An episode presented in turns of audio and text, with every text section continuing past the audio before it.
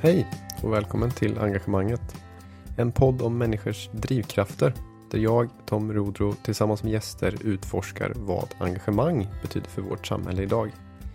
Jag hoppas att dessa samtal ska ge mig och er insikter i hur och varför engagemang uppstår, växer och lever vidare. I dagens avsnitt samtalar jag med Fatme Audi, en förhållandevis ny bekantskap för mig. Våra vägar korsades i jobbet där vi båda har spelat en roll i samarbete kring området Herrgården Rosengård Malmö. Anledningen till att jag ville prata med Fatme var att jag upplevde ett naturligt och genuint engagemang som liksom sipprade över i allt hon gjorde och att det också färgade av sig på alla hon mötte.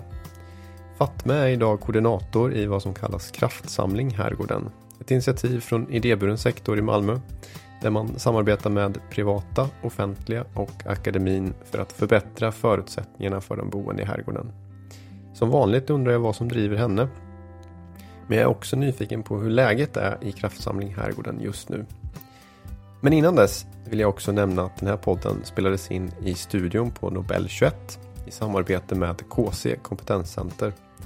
KC Kompetenscenter finns framförallt till för personer verksamma inom den idéburna sektorn att verka i de roller som krävs för en engagerande verksamhet till gagn för individen och samhällets demokratiska utveckling. Och för övriga sektorer i samhället att öka kunskapen och förståelsen för den idéburna sektorn. Okej, nu till samtalet med Fatma. Håll till godo och hoppas att ni ska gilla det. Nu kickar vi igång på riktigt. Mm. Fatma, Då kör vi. kul att ha dig här. Tack. Hur är läget? Det är bra tack. Ja, fint att se dig och tusen tack för att du ville eh, bidra med din tid här inne i podden, engagemanget. Det är ju lite av eh, trial and error som jag håller på med här. Jag testar mig fram och ser vad som funkar och vad som inte funkar och sen så gör vi bättre till nästa gång och sådär. Mm. Så du eh, Fatma är ju koordinator för Kraftsamling Herrgården. Och eh, du är anställd av Rädda Barnen också. Det stämmer. Vad eh, skulle du kunna säga kort vad det här innebär att vara koordinator Mm. i en organisation som Rädda Barnen? Så här, hur, ser, hur ser ditt jobb ut en vanlig dag för dig? Vet du, jag har börjat använda mer ordet eh, kameleont nu för tiden. Okej. För det känns som att eh, man gör allting. Alltså verkligen är med och bidrar i alla delar som behövs för att kunna verkligen förverkliga ett, ett arbete eller ett mål som man är ute efter. Så eh, det är verkligen högt i tak. Du vet, det är inte okej, ja, men jag är samordnare, jag gör bara det här. Utan nej. Och det, vi pratade lite tidigare, men du vet, till och med att jag börjat montera, jag går och köper de grejerna som behövs för en inredning på, på mötesplatsen på Varda. Så, och det känns bra. Alltså verkligen att verkligen få vara med och få helhetsperspektivet av ett arbete som man gör och säga när vi har varit med och bidragit så har vi gjort allt. Vi kommer ju komma tillbaka till kraftsamlingen och eh, mötesplats Varda senare här Fatme, men eh, så ska du få utveckla det. Men först vill jag ändå fråga dig om Rosengård som plats. Det är många som tycker och tänker om och har fördomar om helt enkelt mot Rosengård. Eh, och ofta pratar man om det som ett socioekonomiskt utsatt område. Men om du själv skulle beskriva det, hur gör du det då? Ja, eh, ja för de som kanske inte känner mig. Jag, jag är själv född och uppvuxen i Rosengård så Rosengård har ju verkligen ett, ett, eh, ett en speciell plats i mitt hjärta och hade du sagt till mig att jag ska beskriva det, jag hade bara sett de fina sakerna där. Eller jag ser egentligen både, både delarna, alltså att absolut, ja det är, det finns en segregation jämfört med andra platser i Malmö. Vi är, det, det är socioekonomisk utsatthet jämfört med andra delar i Malmö igen, men det jag hade kunnat beskriva, det kanske de första orden som kommer, det är så här gemenskap, kärlek. Eh, du känner dig verkligen hemma. Alltså du är så här, var du än går, det är så här, okay, jag kommer in i Rosengård, det känns tryggt, det känns skönt. Eh, så det är nog de första orden. Men det är klart, vi, man, det finns ju sociala problem där med så många andra platser som man försöker bekämpa och jobba med och stötta folket i området. Och ibland så tänker jag så här, du vet, det ger mig en reflektion över har vi i Sverige lyckats med integrationen eller vart har vi misslyckats? För någonstans när vi säger att det är ett socioekonomiskt utsatt område då är det faktiskt både delarna som inte har fungerat. Kanske människorna har inte lyckats integreras som de ska. Men också vad har samhället vara, varit bidragande till? Så det är verkligen alltså, ja, olika delar som, som ploppar upp hos mig när du säger Rosengård. Mm, ja, men jag tänker det är ju din eh, hemmaarena mm. på sätt och vis. Ditt, ditt, hem fortfarande, mm. eller hur? Det är det. Um, men jag kan, jag kan fråga dig i och för sig, det är intressant för att uh, du bor ju i området och jobbar i området. Mm. Hur, hur, hur, funkar det? Hur är det? Um, det är, grejen är, jag, jag är utbildad till socionom. Så uh, redan i början så sa de att ah, man ska lära sig att lämna arbetet mm. uh, när, man, när man slutar jobb. Uh, och, och ibland gör jag det, absolut. Jag har ju annat jag vill göra och hitta på. Men hur det är att jobba i Rosengård, det är faktiskt att på något sätt, ja men nästan 24-7, du är ändå igång. Du sitter hemma, du tänker, åh, oh, det kan jag göra nästa gång. Åh, oh, det här projektet kan vi göra, eller den här idén, den kan jag ringa till min granne eller vän och berätta om. Så på något sätt man är igång verkligen hela tiden. Mm. Sen, sen har jag, jag vet inte om ödet är som det är, men till och med när jag började, eller under, under mina, min studietid, så började jag jobba faktiskt på socialtjänsten och jag hamnade på Öster i Rosengård. Och det var, det var först så här, ja, med min rädsla. Jag bara, oj vänta, hur ska jag jobba och träffa mina klienter? Mm. Men det var inte heller så farligt för att Rosengård i slutändan det är stort. Ehm, så man kunde ändå så lämna faktiskt arbetet på socialtjänsten. Men, men här är man på något sätt, det är så att du gör det du gillar, det du älskar. Så ibland är det svårt faktiskt att lämna, lämna arbetet. Um, ja. Mm. Det, kanske, det, det kan vara lite svårt att förklara, du vet, men typ Ja men nu med inredningen, vi kommer gå in i det sen, men vi håller på att inreda en möteslokal i Rosengård. Alltså för ett tag sedan var jag där ungefär till nio och hade redan börjat klockan åtta på morgonen. Och det var för att ja, men vi kallade några personer i området, de kom och hjälpte till. Och jag kände så här, men jag kan ändå stanna, både för att det är kul, men att det är bra att jag är här så vi hjälps åt. Och det var, det var inte direkt en börda. Det är klart man kanske inte ska jobba så länge alltid eller varje dag, men det kändes ändå bra. Så det är så här, okej okay, men det är en del av, av också min, kanske min, min, mitt, person, mitt personliga. Det där kan nog många känna igen sig i. Det är samma rekommendationer som du sa, det här med att man inte ska, man ska lämna jobbet efter sig. Mm. Det gäller ju för en som jobbar och bor i samma kommun också så som jag gör. Mm. Eh, nu är ju Malmö kommun rätt stor så jag springer ju inte på alla varje dag på det här sättet. Men det är lite samma grej där, det kanske du gör i större utsträckning, att du träffar på mm boende som du har träffat tidigare på dagen och så vidare. Och så helt plötsligt är du bara privata fatmän liksom. Exakt. Nej, men, och, det, och det är helt vanligt, alltså du vet det har blivit en, en vanlig grej egentligen. Det kanske inte är helt vanligt men, men för personer och precis som namnet på, på din podd Tom, engagemanget. Att någonstans, det, det, jag kan se det som ett alltså, privilegium. Uh, um, Privilegium privilegium, ja exakt. Att, att få jobba faktiskt med det man gillar. Eh, och det gör att man verkligen har, att man kan ge det där lilla extra. Eh, och det känner jag att när jag gör det, när jag gör det i den orten jag har växt upp på, när jag ser en tillit hos folk eller att de tänker så ja ah, men det tänkte vi också på, det du gör med, fortsätt kämpa med det. Eller när man berättar det till sina gamla kollegor eller till andra vänner, att man ändå får så mycket kärlek tillbaka det, är alltså, det, det gör det okej, okay. hänger du med? Det, det känns inte som mm. en börda att faktiskt träffa några andra utan det blir mer roligt. Ja ah, men du, kan vi bygga på det här? Eh, sen som sagt, man ska också lära sig att balansera. Så ibland så kan man stänga ut sig, man går till gymmet, man går ut och springer och då, då vill man bara kunna mm. varva ner lite. Det var någonting annat jag ville fråga dig också här som jag tycker är viktigt att prata om och det är ju som sagt du har ju nu sagt att men det, finns en kraft i kanske att du känner folk sedan tidigare liksom, i området och att du jobbar med, med dem eh, och du känner dem privat och du kan ta in det i jobbet på något sätt. Mm. Det där med att eh, det där med att vara en representant för ett område är någonting annat jag tänker på i förhållande till det det, det, det, känns som att det kan vara lite knepigt ibland. Så att jag är personen som kommer ifrån det här området eller det här området. Exakt. Ja. Jag tror att där är det också verkligen en balansgång. För att eh, grejen är, nu tar vi också för att vi pratar om Rosengård och det är där, det är där jag jobbar. Rosengård är ändå stort också. Så till och med där jag är uppväxt, då, det kanske är de människorna jag känner. Så, så när jag flytt, när jag började jobba då på herrgården, då, där är det så okay, det är inte riktigt alla jag känner där. Nej. Men man kan ändå känna sig igen med, med vissa personer, man kan relatera till grejer. Eller man, man kan ändå säga, ah, men du känner den här personen, så blir det ändå att man har någon gemensam vän eller kontakt. Och det kan underlätta lite för att kunna skapa den här trygghetsrelationen. Så det, på något sätt det kan vara lite knepigt för att när man, när man bara flyttar sig från en ort till en annan i Rosengård så kan du säga, vem är du egentligen? Ah, Okej, okay, då måste jag inte berätta, ah, men jag är från den här platsen eller Bennetsväg eller från Örtagården. Ja, ah, men känner ni till de här personerna? Och på något sätt så kan vi bygga på en relation.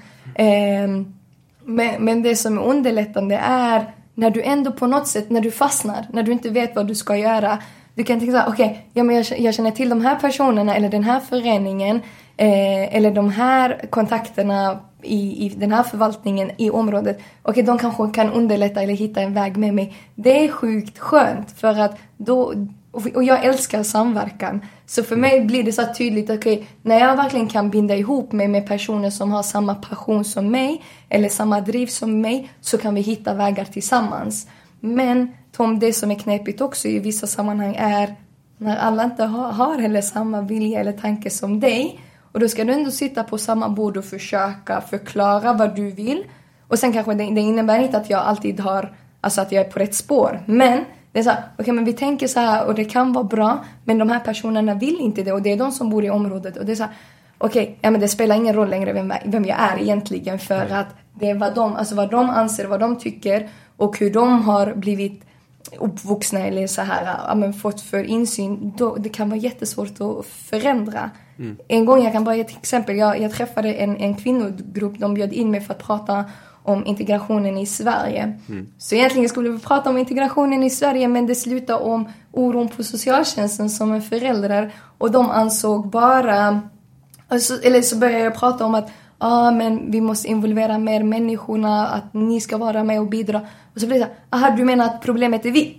Jag bara nej, det sa jag inte heller. Jag bara, utan vi behöver hitta sätt för att tillsammans med kommunen, med politikerna och er hitta samverkan. Och då märkte man att amen, här är ett exempel där det inte funkar oavsett vem jag är. Eh, men, men å andra sidan till exempel, jag träffade tre av dessa kvinnorna tre veckor efter och de bara vi gillade ändå när du kom. Ska inte du komma tillbaka igen och prata lite? Så det, det blev ändå så, okay, mm, det blev ändå någon typ av diskussion. De uppskattade det, eller några av dem. Jag kanske ändå ska gå dit fler gånger för att vi ska hitta varandra. Eller för att jag ska försöka dela med min insyn av mina erfarenheter av arbetet jag har haft. Och att de kan börja dela med sig av sina, för att de, de har ju också sina erfarenheter, eh, motgångar de har haft som vi faktiskt också behöver få med på något sätt och vis för att förstå vad är det som strular, vad är det som inte fungerar. Mm. Du nämnde ju förut så här att eh, orter i orten. Ja. du sa inte på det här sättet. Men ja, jag tolkar det som det att det, Rosengård är ett ganska stort eh, område geografiskt. Ja. Nu pratar vi om, eh, jag tänkte vi skulle börja prata om herrgården och kraftsamling herrgården. Mm. Och det är ju litet område. Mm. Vad är, vad är, hur, hur, skulle du säga, vad är det för typ av område? Vilka är det som bor där?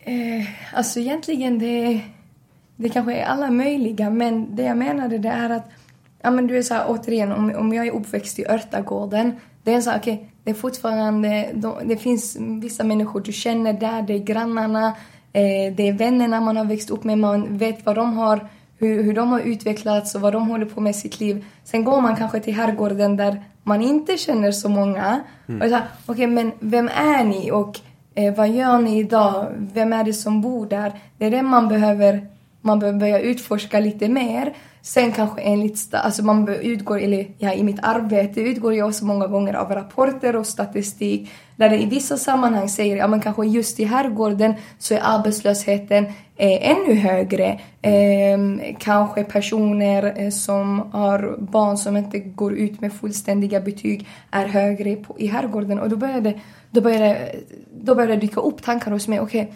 så det är ändå kanske de här personerna som bor här, men det är inte alla Fatme, så du måste vara försiktig mm. med att dra generella slutsatser. Och hur kan vi jobba vidare på det? Och det märker jag i mitt arbete, typ i mötesplatsen så har vi något som kallas för familjekvällar. Och många av föräldrarna där, eller flera av dem är ju, de jobbar, de har ett heltidsarbete men de har driv för att göra något för sina barn, att de ska vara mer medvetna om vad som händer, om deras rättigheter. Eh, någon som kanske inte vet, vet riktigt hur de ska söka sig vidare till ett arbete men har en utbildning. Så det egentligen att man, man träffar på alla möjliga. Så därför ja. brukar jag också vara, vara väldigt försiktig med att dra, dra slutsatser över vem som bor där förrän jag börjar lära känna folk. Ja. Nej, men det är ett fin, fint perspektiv mm. eh, tycker jag som jag sympatiserar med verkligen. Mm. Att det är många olika människor som bor där liksom det är var som helst annars ju. Exakt. Så det kanske var en dum fråga men mm. eh, jag vill ändå höra med dig hur du tänkte kring det. Det är ju ändå så att vi har, ehm, ja Rädda Barnen har ju varit engagerade i någonting som heter Kraftsamling Herrgården mm. i tio års tid. Så det finns ju någon slags eh, utmaning här Absolut. som behöver adresseras. Så. Men om jag börjar i änden vad Kraftsamling Herrgården är för någonting. Om du mm. skulle vilja beskriva det. Absolut. Eh, jag kom ju ändå in i banan i bilden 2020 eh, i augusti men som du sa egentligen så har Kraftsamling Herrgården varit en samordningsfunktion om man ska säga så med ett antal personer från olika eh, föreningar eller aktörer som har varit med och de vill vara med och bidra till till att det ska bli kanske tryggare i området, till att alla barn ska faktiskt få växa upp eh, på lika villkor. Så det, det tycker jag är ändå väldigt fint att man verkligen kanske satsar. Jag vet inte riktigt hur det började men att de satte sig kanske på ett bord där de flesta hade okay, vi har ett gemensamt mål, ja. vi vill bidra med någonting och då sa okej okay, det är ändå tvärsektionella eh, möten där om man ska säga eller arbeten så att, att vi kan bygga på våra resurser och erfarenheter. Och det är lite det som hände där. Att då var det olika föreningar, men idag, eller partners eller aktörer, men idag är det ju eh, Malmö universitet, vi mm. på Rädda Barnen tillsammans i förening och Malmö stad och just kulturnämnden och fritidsnämnden som sitter. Och det är verkligen så okej, okay, en gemensam målbild, detta är vad vi vill 2024 och att man jobbar, man jobbar för det. Eh, sen att man har också utvecklat det här till något som, tycker, som jag tycker är jättefint och det är IUP.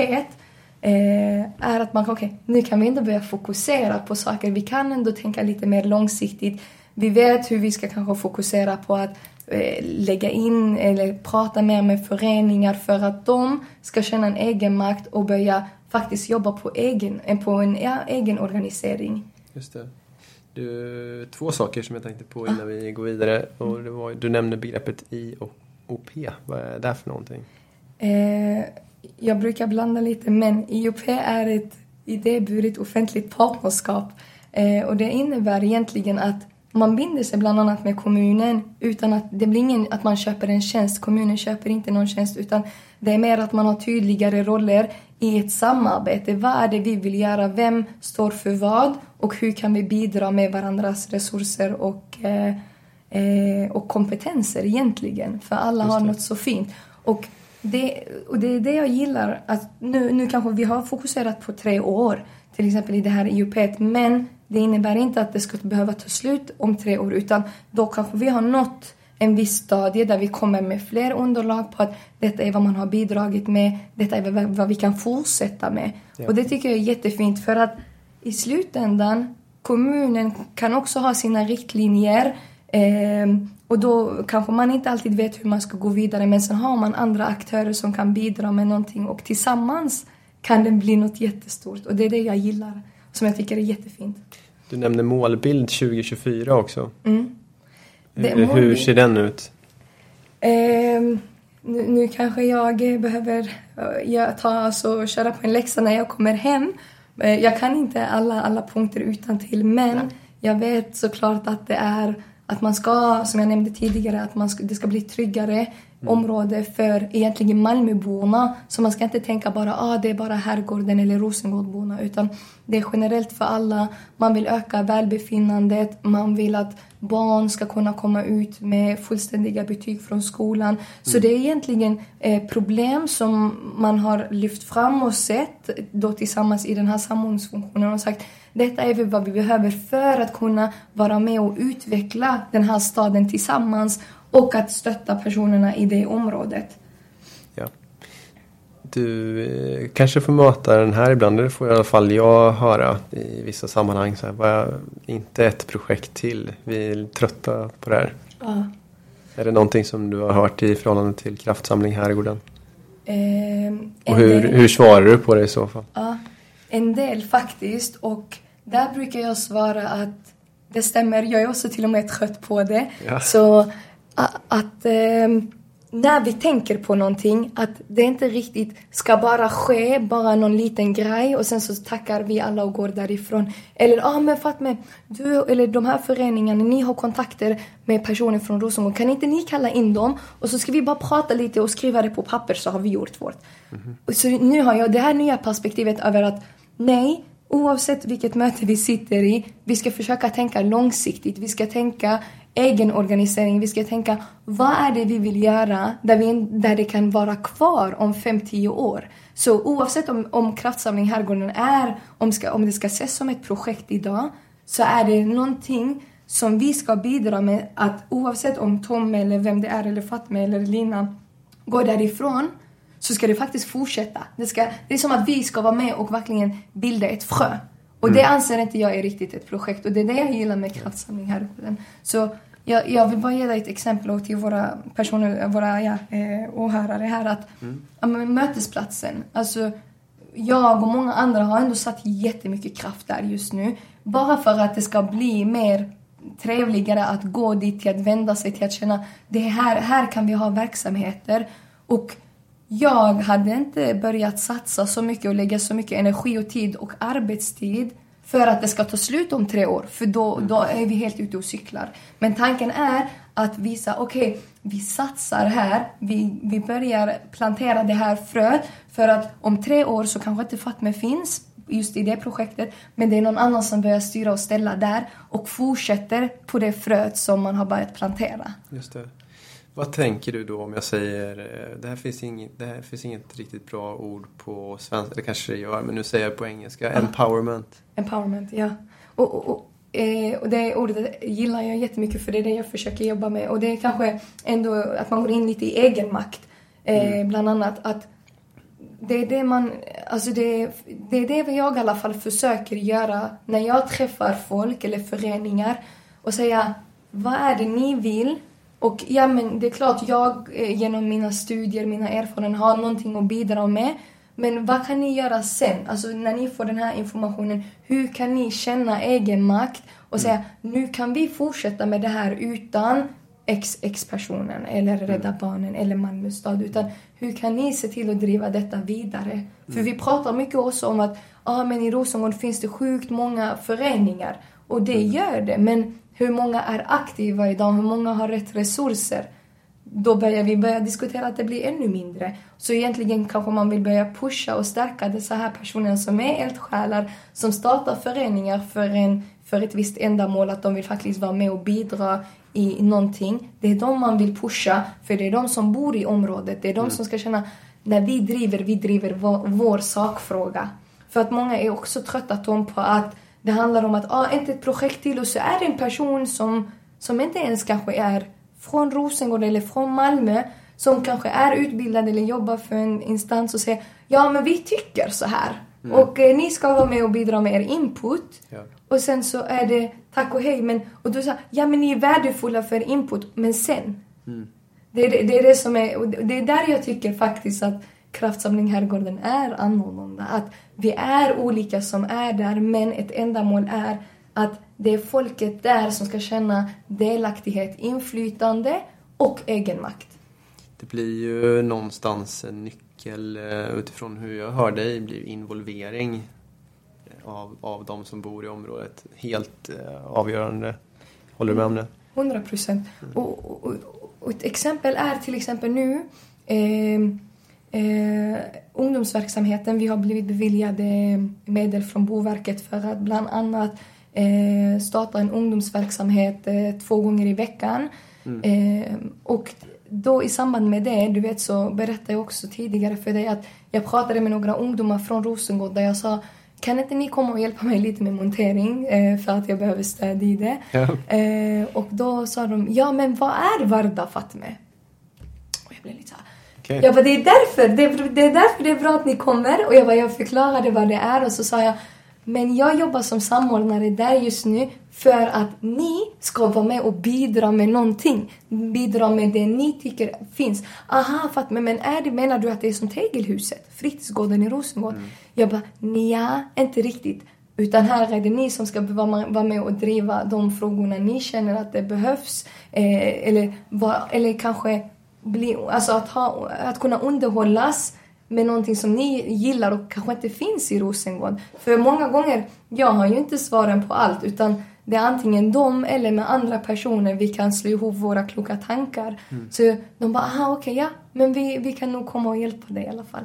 Och, och, bara att komma dit från andra sidan, på tal om olika platser i mm. Rosengård. De kommer ju från en annan plats i Rosengård, de hade typ aldrig varit på Värda. Någon, hade, någon av dem visste, aha ungefär, ja, okej jag vet vad det är. Utifrån vänskapsparken. Så, så det var ändå skönt för mig att börja kanske dra i några ungdomar för att försöka locka till till Värda så att de måste sen få en insyn i vad är det? Precis. Du, vi har ju det gemensamt att vi har jobbat både i kommun och eh, idéburen sektor. Det var länge sedan jag jobbade i idéburen mm. sektor men jag, innan, innan mitt offentliga ja. uppdrag så gjorde jag ju det. Eh, och eh, det här Kraftsamling Herrgården är ju utpräglat av sektorssamverkan. Mm. Det är ju både bra, det är bra, men det är både svårt eh, och eh, lite lättare i vissa fall, men oftast är det ju svårt. Mm. Så vad, vad, eller har jag fel i det? Tycker du jag att, håller med dig. Ja, vad, vad, kan du säga mer om det? Vad är det för svårigheter och kanske också möjligheter då naturligtvis? Um svårigheterna är som du säger, är att att verkligen samla alla på ett, ett och samma bord och säga har vi samma målbild? Strävar vi efter samma sak? Och hur kan alla här inne verkligen ta av sin arbetstid och verkligen säga det här är jätteviktigt. Mm. Eh, svårigheterna är i detta är också att kunna... Jag tycker att vi har, vi, speciellt Malmö stad, eller allmänt kommuner, det är ju institutioner, det är organisationer i själva organisationen, olika avdelningar. Så att bara hitta rätt person eller nyckelperson eller kunna nå fram med budskapet till våra politiker, det, det, det är den länken som kan vara svår. Och till exempel Tom, du var ju en bidragande faktor i det här EUP när du, okay, du förstod konceptet, du verkligen ja, du höll med och du, okay, men nu kan jag driva det vidare till mina kollegor och försöka hänvisa till rätt personer eller tillkalla till rätt personer för att vi ska kunna landa i någonting. Mm. Sen, sen möjligheterna i det, det var också någonting jag nämnde tidigare. Alltså, både att det blir en ögonöppnare för alla, alltså alla vi partners som ingår i det här. Det blir så okej, okay, det är det vi är duktiga på, alltså varje, varje aktör, det här kan vi bidra med. Eh, men att förståelsen till att faktiskt samarbeten kan fungera på det här viset och att, för jag, jag brukar alltid säga så här, vi, vi är starkare tillsammans och mm. det är vi för att du kanske hade gjort som mig, men jag och du hade gjort det på två olika platser och då hade det egentligen bara varit dubbelarbete och vi hade inte nått den effekten vi vill. Istället för att vi delar på bördan, arbetsbördan och säger gör du ditt, jag gör mitt och sen så kommer vi tillsammans faktiskt lyckas fram till målet. Och det är, det, det är den möjligheten jag ser. Jag kanske är optimist, men jag tror på det här. Alltså någonstans att vi tillsammans kan, som sagt, lägga pusselbitarna eh, ihop och sen också hela tiden lägga fram det till våra politiker för att det är också mak våra makthavare som kan vara med och påverka. Jag, jag kanske har ett jätte, jättedriv till, till det här men sanningen är att det kan också kan ta slut, precis som bränsle. Om vi inte hade, om inte bilen till exempel hade tankats med bensin eller vad det är, mm. den kommer ju sluta köra någon, någon dag. Mm. Utan jag behöver ju hela tiden tanka den med bensin för att den ska kunna köra mig dit jag ska. Och så är det samma sak egentligen med det här med passion och driv för samhällspåverkan och mycket annat. Att vi behöver någon som pushar oss. Någon som säger vi tror på dig, vi, vi kommer stötta dig. Och detta tycker jag är, det, det är ett, ett exempel på när man samarbetar. Att vi verkligen pushar varandra. Att någon lägger en bit, någon annan lägger den andra. Eh, nu Fatme tänkte jag om jag får byta mm. ämne lite grann till ja. Eh, ja. lite mer fokus kanske mot dig som mm. person. Ja. Och lite mer hur du själv ser på saker och ting i din omvärld och närvärld. Vi har varit inne på det naturligtvis. Men mm. lite mer vad jag kallar på djupet frågor. Ja. Eh, och du var ju inne på en sak som jag ville hänga kvar i lite grann och det var ju då att du har ju bytt, du har ju bytt från att jobba i offentlig sektor till att nu mera jobba i idéburen sektor, i Rädda Barnen. Mm. Så känner du att du får mer utlopp för kreativitet och engagemang där du, där du är nu i jämförelse mot tidigare? Eh, mer än vad jag, ja, mer än vad jag kunde tidigare, absolut. För jag vill inte säga att det inte går eh, när man jobbar inom kommunen eller så. Men eh, verkligheten kan se lite annorlunda ut. Eh, och så här med arbetsbördan igen, med riktlinjerna, med att kunna verkligen driva en påverkan. Den kan vara, den kan vara lite snävare och lite jobbigare eh, än vad jag kan på Rädda Barnen. Sen, eh, sen anledningen till att jag också bytte arbete, det var du vet det här med att kunna faktiskt kunna lägga alla korten på bordet, alla dina idéer och börja ta en sakta men säkert, alltså ett av korten och tänka vad är det jag kan spinna vidare på, vad är det jag kan jobba? Den möjligheten fick man, eh, eller fick jag då bland annat här med den här tjänsten. Och det gör ändå så, okay, jag kan tänka brett, jag kan testa. Mm. Eh, ibland kan man inte det om man är bunden till en viss tjänst. Och då, då blir det mycket svårare. Och då tänker en person, och jag tänker att det är kanske inte alla som relaterar, men jag är en jätteöppen person som vill testa saker, som är driven. Och känner jag att åtta timmar av min tid försvinner och jag inte kan göra det, då blir jag trött och då sa okej okay, men jag vet inte hur mycket jag kommer orka sen. Mm. Så, så då kände jag att, nej, men, ja, men, att, att ändå få också kunna du vet, få den där övergripande bilden som du sa, ändå ha en omvärldsanalys, arbeta strukturerat men ute på fältet samtidigt. Det tycker jag är, är jätte, jättevärdefullt. Mm. Det här kanske blir en helt annan ja. fråga men eh, jag testar den ändå och mm. det är alltid lite nervöst att ställa den här typen av frågor för man vet inte riktigt hur de landar. Men jag är väldigt nyfiken på Kör. den här. Så här vad, vad, tänker du om att vara en bra eller god människa? Um, bra fråga.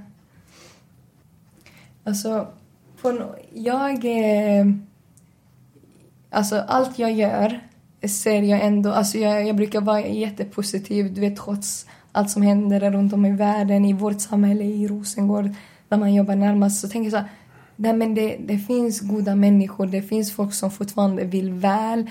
Eh, och det, det ser man i det arbetet man gör och det fortsätter mig att vilja vara en god människa. För att jag bidrar med så mycket, eller jag försöker bidra med så mycket när det kommer till samhällspåverkan.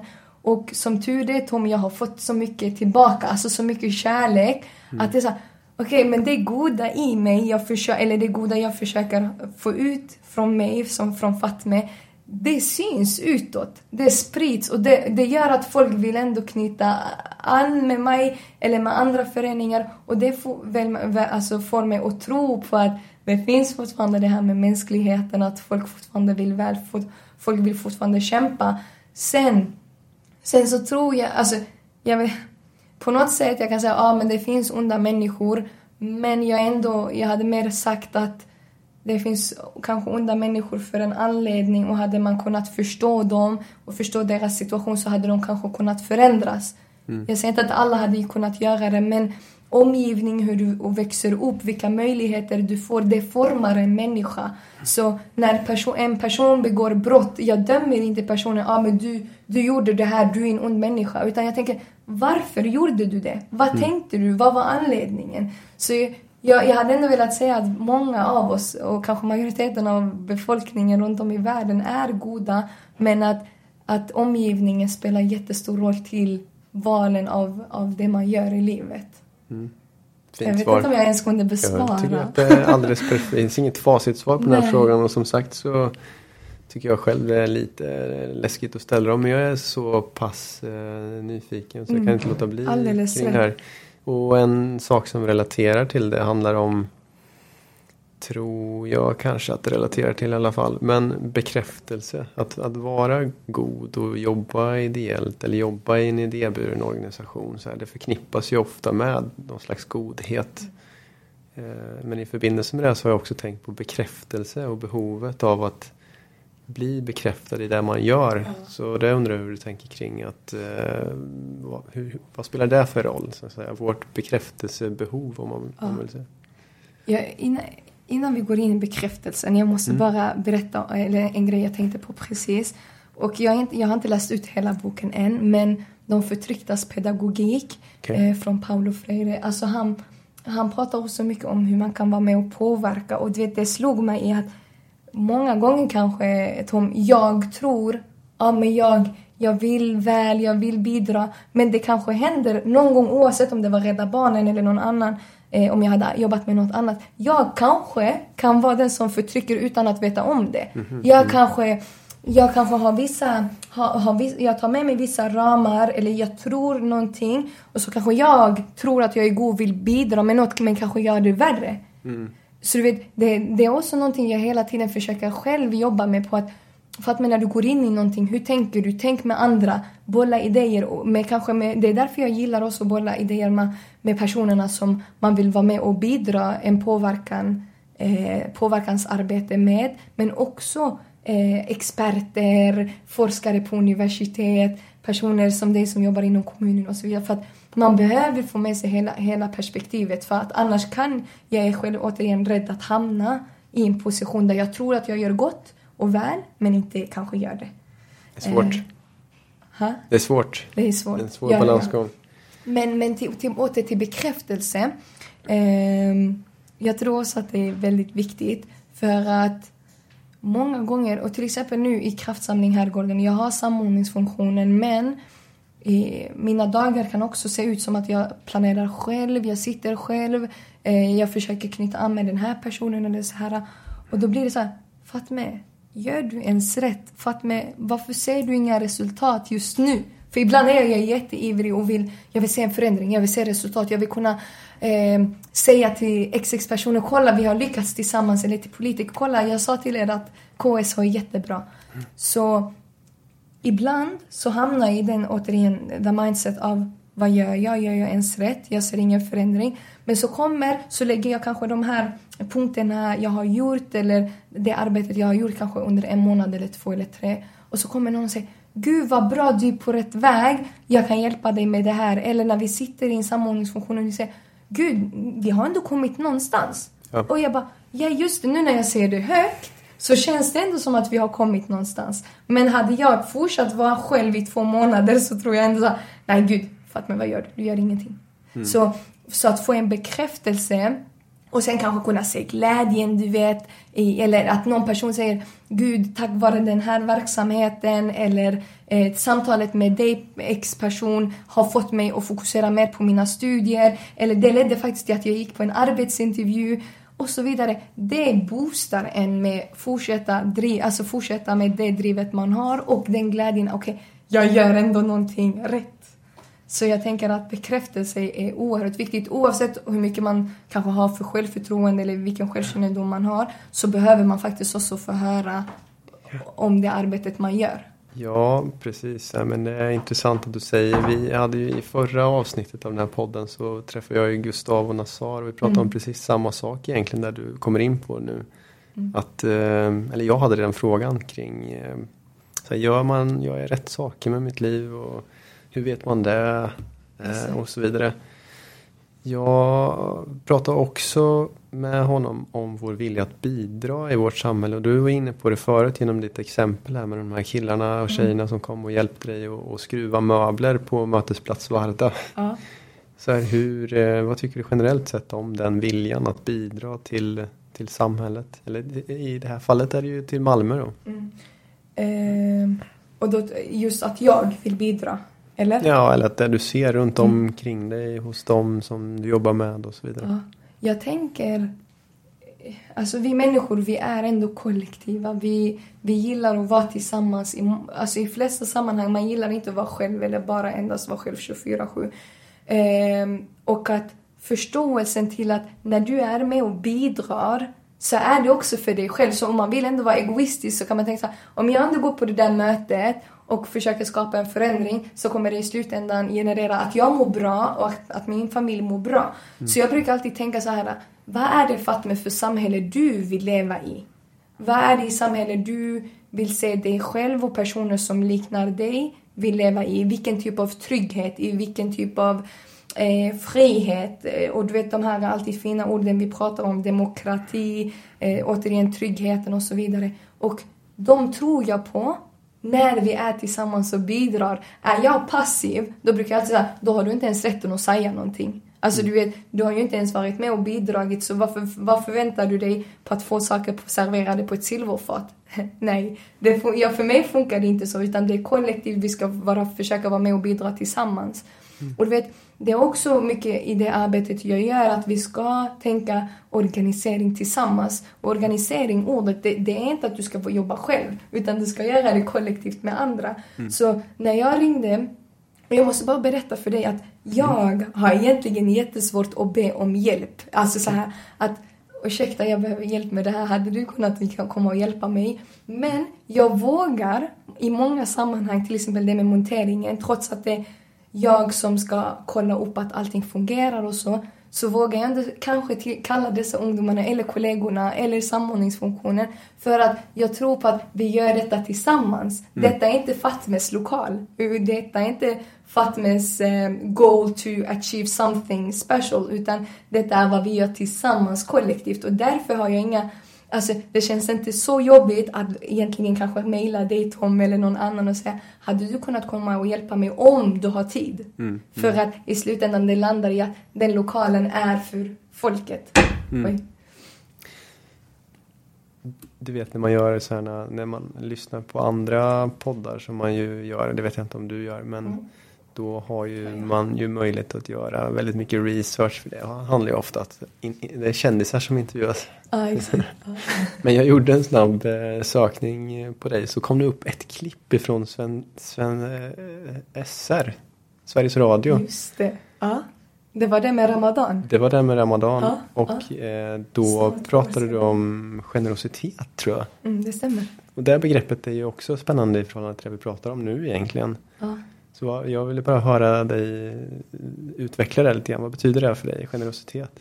Absolut. Och bara för så här, eh, a small brief. Alltså, jag har ju varit engagerad i föreningsliv och i samhällsfrågor sen long way back, alltså sen gymnasietiden ungefär. Och jag läste ekonomi och där märkte jag, okej okay, jag gillar siffror men att, att bidra, att vara generös, det gav mig så mycket energi och kärlek till att när jag vaknar upp ja, men nästan varje dag så känner jag jag vill göra någonting för samhället för att det känns jättebra. Det känns mm. som att jag kan vara med och utveckla någonting och eh, alla människor har ju en viss förmåga att bidra med någonting till världen, det tror jag på. Så, så alltså du vet, när jag var med i det klippet så var det utifrån att jag faktiskt åkte ner till Jordanien och fick kolla hur en biståndsorganisation arbetar, hur de gör för att stötta personer som är i behov.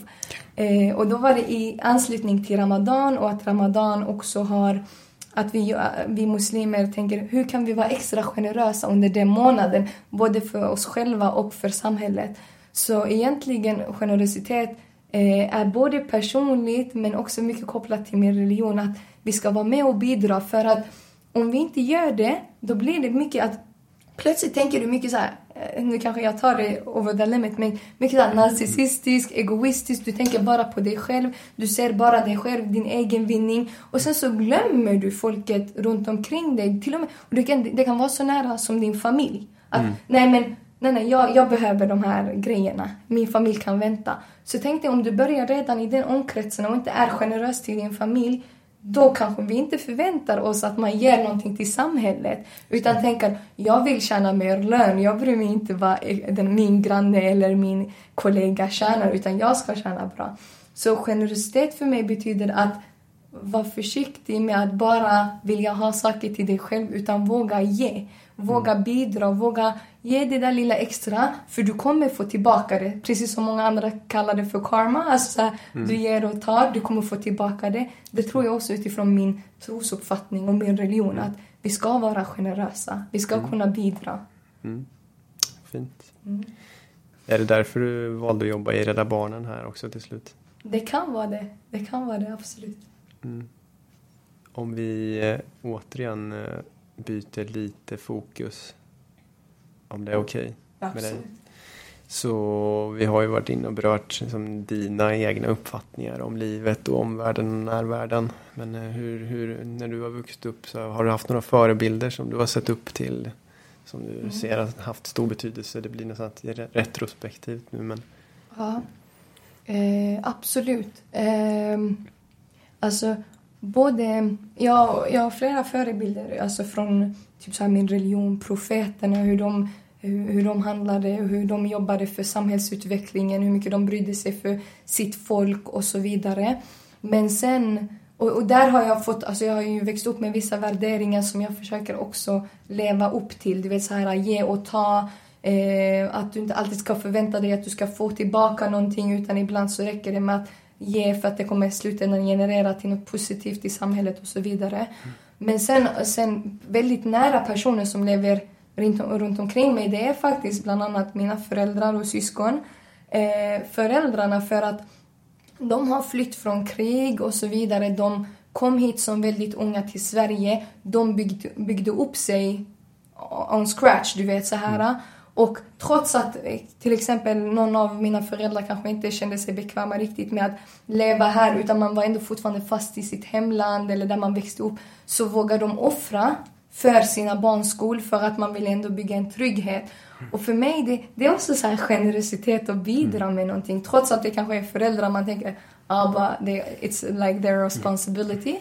Egentligen inte till hundra procent. Många av oss tänker idag karriärsmässigt hur mycket långt, hur långt vi vill komma. Så de visar mig mycket så att det med att tålamod, att, att det går att lyckas men man måste ha drivet.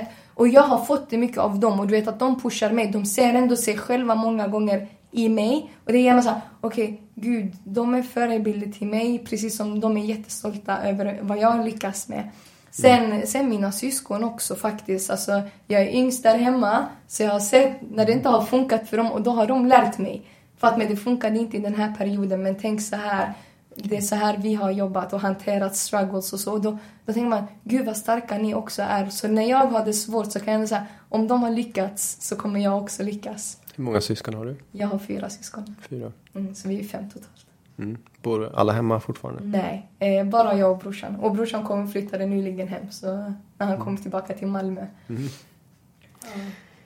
Har du någon annan inspiration som du har haft genom livet? Förutom förebilder då menar jag. Inget jag kommer på nu direkt men... Eh...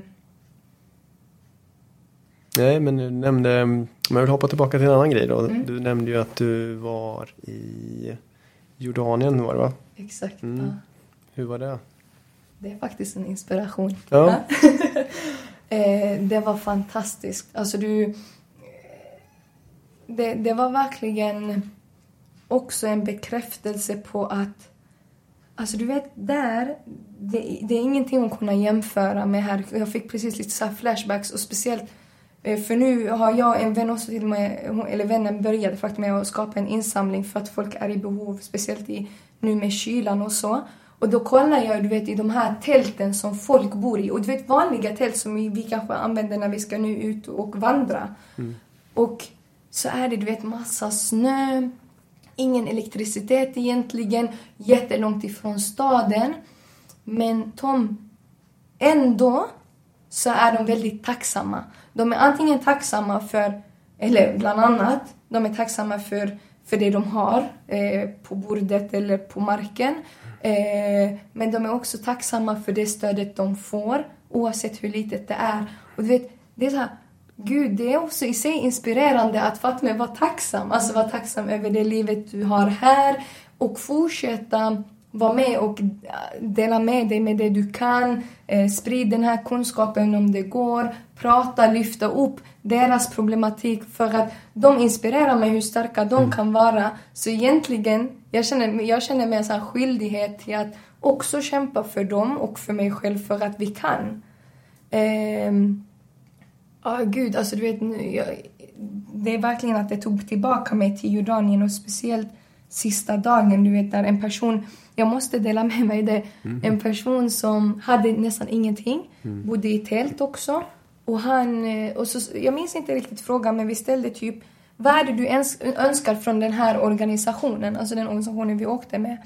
Han var faktiskt ingenting ingenting utan mm. det finns en an, ett annat flyktingläger där jag har kusiner och släktingar som har det ännu värre. Jag mm. vill att ni hjälper dem. Och Tom, tills idag, jag kan inte beskriva med ord. Han hade typ ingenting. Han bodde i tält och, och, han var också väldigt generös, ville hämta te, ville bjuda oss. Du vet, det gör någonting i oss som bor till exempel i Sverige som har nästan allting. Trots att vi kan säga så här, nej men vi har inte vi har inte den senaste telefonen, vi har ingen tvättmaskin i lägenheten eller i huset. Då, då blir det så här, detta är ingenting. Då, du ska vara tacksam om att du har en telefon, att du har en lägenhet. Eller, eller du har faktiskt ett skyddsnät, ett mm. skyddsnät i samhället som kan, som kan till 90% 95% stötta dig om du är i behov. Det mm. har inte de. Så det, det var verkligen eh, till, om vi kopplar det till inspiration, du vet det här med att vara stark trots alla motgångar och försöka se det positiva. Det var, det var en inspiration. Det är också en form av generositet som den här personen uppvisar ju genom ja, ja, ja, att... Men, och han var så mm. sårbar. Du vet att han grät, alltså han, han fick ja, men några tårar rann. Och du vet, ingen av oss klarade av det. Alltså vi gick ut. Du vet, för att vi ville ju inte visa att... Jag vet inte om man vill inte ville visa att man var svag, men det gjorde, mm. det gjorde det var inte att man tyckte synd. Alltså, men det gjorde man inte. Utan det var så här, Gud, det var så här, eh, typ så här, eh, bara en tid för att reflektera över hur bra vi har det och hur fina människor det finns som har det så otroligt svårt. Men att egentligen får vi aldrig egentligen den insynen förrän vi träffar dem. Du vet det här mötet, det mm. personliga mm. mötet. Mm. Så det, det, tog jag, det tog jag med mig och jag minns, det vill säga jag gick tillbaka till jobbet någon dagen efter egentligen när jag kom från resan.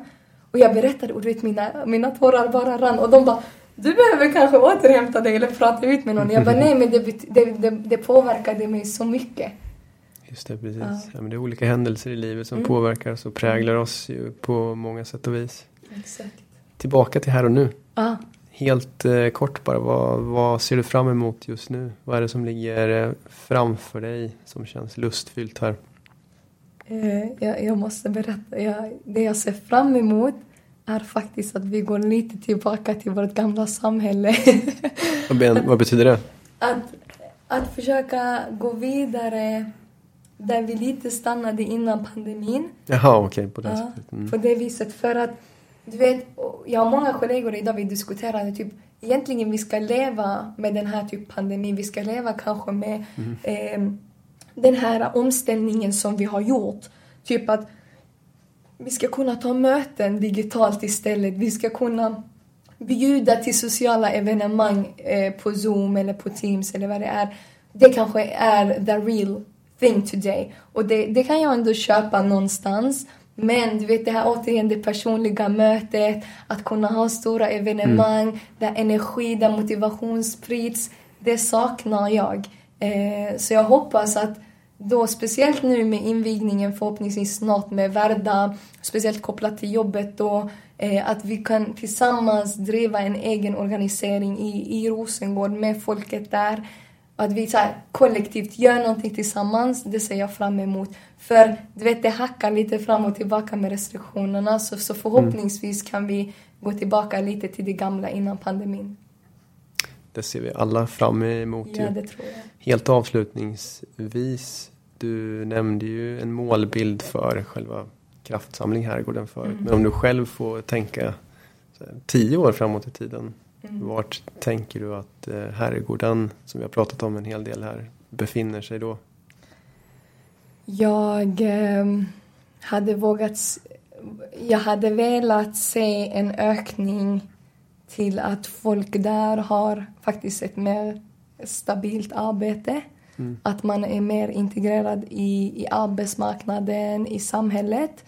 Eh, och att våra barn och unga, speciellt barn och unga, kan faktiskt få växa upp på lika villkor oavsett egentligen i vilket land, eh, i vilket område menar jag. Så är det i herrgården så ska de faktiskt ha samma, samma, upp, alltså samma villkor i skolan, mm. eh, upp, uppväxtvillkor. Det hoppas jag. Så om tio år hade jag velat se det. Om tio år så är det så. Det får bli slutorden här. Jag vill eh, passa på att tacka dig så himla mycket Fatma för att du vill vara med. Det känns som en gåva att eh, du ger av din tid här. Klart. Och väldigt intressant samtal med dig. Och eh, lycka till med allt framåt. Tack så jättemycket. Och detsamma. Och du ska få veta att jag känner mig också jätte, jätteärad att få vara med här och prata med dig. För du gör också egentligen ett fantastiskt arbete. Och eh, all lycka med, med engagemanget här och din podcast och allt du gör. Tack. Tack.